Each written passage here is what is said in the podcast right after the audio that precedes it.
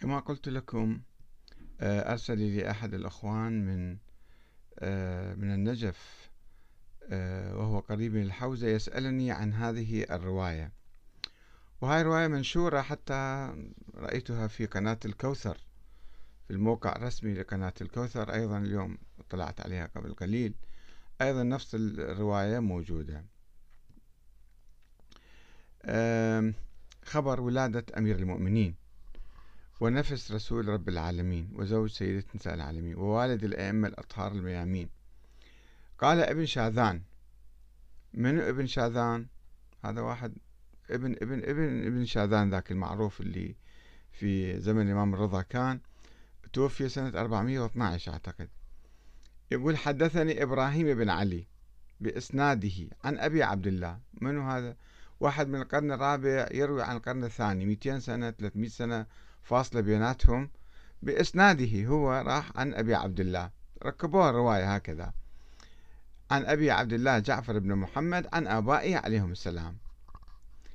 خلينا نستمع للرواية هذه المضحكة. كان العباس بن عبد المطلب ويزيد بن كعنب أول مرة أسمع بهذا الاسم. منو هذا؟ مشرك مسلم متى كان؟ كيف كان؟ منو روى عنه؟ كان العباس بن عبد المطلب ويزيد بن كعنب جالسين ما بين فريق من بني هاشم إلى فريق عبد العزى بإزاء بيت الله الحرام. إذ أتت فاطمة بنت أسد ابن هاشم أم أمير المؤمنين عليه السلام. وكانت حاملة بأمير المؤمنين تسعة أشهر وكان يوم التمام. قال فوقفت بإزاء البيت الحرام وقد أخذها الطلق فرمت بطرفها نحو السماء وقالت أي ربي إني مؤمنة بك وبما جاء به من عندك الرسول وبكل نبي من أنبيائك وبكل كتاب أنزلته وإني مصدقة بكلام جدي إبراهيم الخليل وإنه بنى بيتك العتيق فأسألك بحق هذا البيت ومن بناه وبهذا المولود الذي في أحشائي هي تعرفك أنه منه مولود في بطنها الذي يكلمني ويؤنسني بحديثه.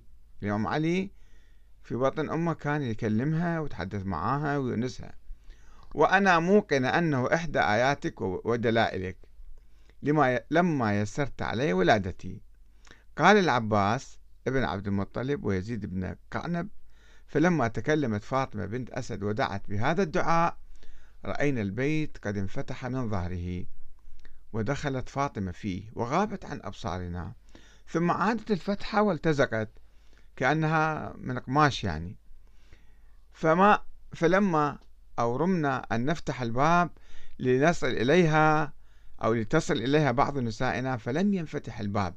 فعلمنا أن ذلك أمر من أمر الله تعالى وبقيت فاطمة في البيت ثلاثة أيام. قال وأهل مكة يتحدثون بذلك في أفواه السكك بالشوارع يعني. وتتحدث المخدرات في خدورهن. وذيك الأيام كان في مخدرات كان في حجاب أصلا.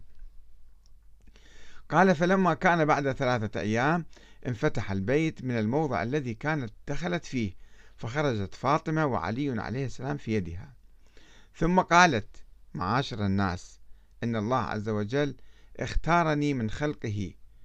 الله اختار فاطمة من خلق من خلقه. وفضلني على المختارات. فاطمة بنت أسد.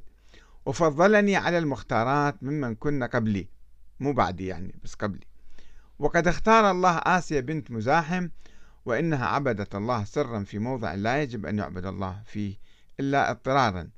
وإن مريم بنت عمران اختارها الله حيث يسر عليها ولادة عيسى فهزت الجذع اليابس من النخلة في فلاة من الأرض حتى تساقط عليها رطبا جنيا وأن الله تعالى اختارني وفضلني عليهما. وعلى كل من مضى قبلي من النساء من نساء العالمين لأني ولدت في بيته العتيق. وبقيت فيه ثلاثة أيام آكل من ثمار الجنة وأوراقها. فلما أردت أن أخرج وولدي على يدي هتف بي هاتف وقال يا فاطمة سميه عليا فأنا العلي الأعلى. الله أوحى لها يعني وسمعت كلام الله.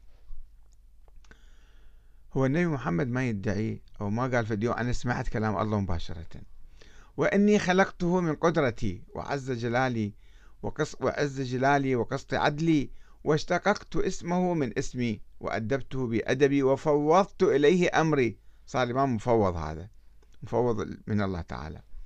ووقفته على غامض علمي وولد في بيتي وهو أول من يؤذن فوق بيتي ويكسر الأصنام ويرميها على وجهها.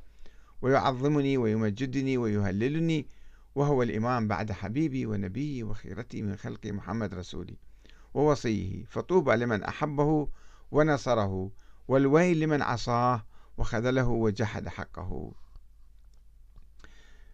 وأيضا آه، أقرأ أيضا من من أجمل أقوال الإمام علي فلما رآه أبو طالب سر وقال علي عليه السلام السلام طفل صغير يسلم على أبوه الآن مولود استوى. يا أبا ورحمة الله وبركاته. السلام عليك يا أبا ورحمة الله وبركاته. ثم قال دخل رسول الله صلى الله عليه وآله. فلما دخل اهتز له أمير المؤمنين عليه السلام وضحك في وجهه وقال السلام عليك يا رسول الله ورحمة الله وبركاته. والنبي محمد ما كان يعرف نفسه نبي قبل البعثة. قال ثم تنحنح بإذن الله تعالى وقال قرأ قرآن المرة. بسم الله الرحمن الرحيم. قد أفلح المؤمنون الذين هم في صلاتهم خاشعون. إلى آخر الآيات. فقال رسول الله قد أفلحوا بك. وقرأ تمام الآيات. إلى قوله أولئك هم الوارثون الذين يرثون الفردوس. هم فيها خالدون. فقال رسول الله أنت والله أميرهم أمير المؤمنين. تميرهم من علومهم فيمتارون. وأنت والله دليلهم وبك يهتدون. ثم قال رسول الله لفاطمة بنت أسد. اذهبي إلى عمه حمزة فبشري به. فقالت وإذا آه، خرجت أنا فمن يرويه؟ من يشرب حليب يعني؟ قال أنا أرويه. فقالت فاطمة أنت ترويه؟ قال نعم. فوضع رسول الله لسانه في فيه فانفجرت منه اثنتا عشرة عينا. عين وحدة كافية ليش 12 وين راحت المياه من حلق النبي 12 عين انفجرت. قال فسمي ذلك اليوم يوم التروية. فلما أن رجعت فاطمة بنت أسد رأت نورا قد ارتفع من علي إلى السماء. قال ثم شدته وقمطته بقماط فبترهما القماط. قال فأخذت فاطمة قماطا جيدا فجدته به فبتر القماط. ثم جعلته في قماطين فبترهما. فجعلته ثلاثة فبترها. فجعلته أربعة أقمطة من رق مصر لصلابته فبترها قطع كل الأقمطة يعني. فجعلته خمسة أقمطة ديباج لصلابته فبترها كلها. فجعلته ستة فتمطى فيها فقطعها كلها بإذن الله. ثم قال بعد ذلك يا أمة لا تشدي يدي فإني أحتاج أن أبصبص لربي بإصبعي. قال فقال أبو طالب عند ذلك إنه سيكون له شأن ونبأ. قال فلما كان من غد دخل رسول الله على فاطمة فلما بصر علي برسول الله ضحك في وجهه وأشار إليه أن خذني إليك تعال خذني واسقني بما سقيتني بالأمس. قال فأخذه رسول الله. فقالت فاطمة عرفه رب الكعبة. قال فلكلام فاطمة سمي ذلك اليوم يوم عرفة. يعني أن أمير المؤمنين عرف رسول الله صلى الله عليه وسلم. فلما كان اليوم الثالث وكان العاشر من ذي الحجة أذن أبو طالب في الناس أذانا جامعا وقال هلموا إلى وليمة ابني علي؟